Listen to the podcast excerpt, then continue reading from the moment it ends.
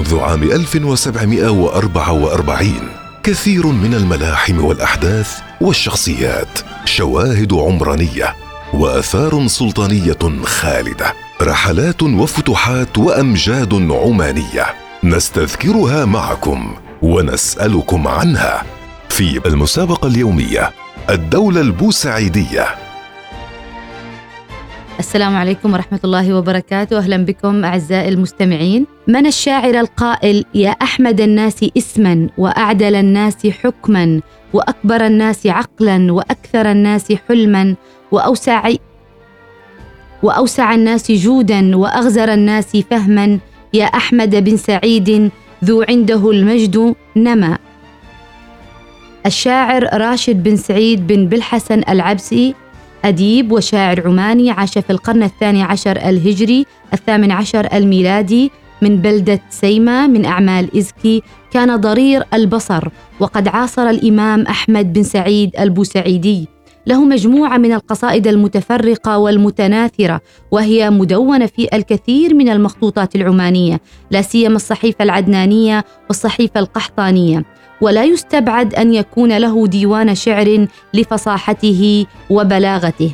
يعد الشيخ الفصيح الشاعر راشد بن سعيد العبسي من أشهر شعراء زمانه وأشعر شعراء أهل عمان قاطبة على نحو ما يذكر مؤرخ الدولة البوسعيدية ابن رزيق.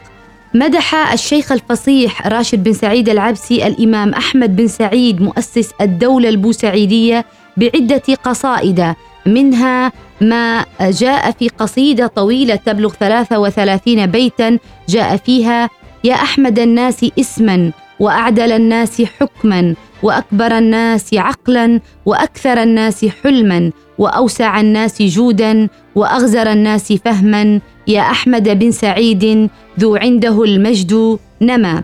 وفي قصيدة أخرى يقول مدحا أيضا في الإمام أحمد بن سعيد مؤسس الدولة البوسعيدية إذا شئت سيرا للهداية والتقى فما لهما غير الإمام طريق يقود بفتياه العماة إلى الهدى وسحب المنايا للعداة بروق.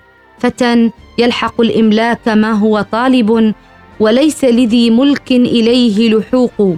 وتوجد الكثير من القصائد للشاعر الفصيح راشد بن سعيد العبسي في الصحيفة القحطانية للمؤرخ والشاعر العماني ابن رزيق. نلقاكم في الحلقة القادمة.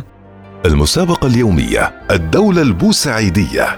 مسابقة الدولة البوسعيدية مع الدكتورة أحلام الجهورية.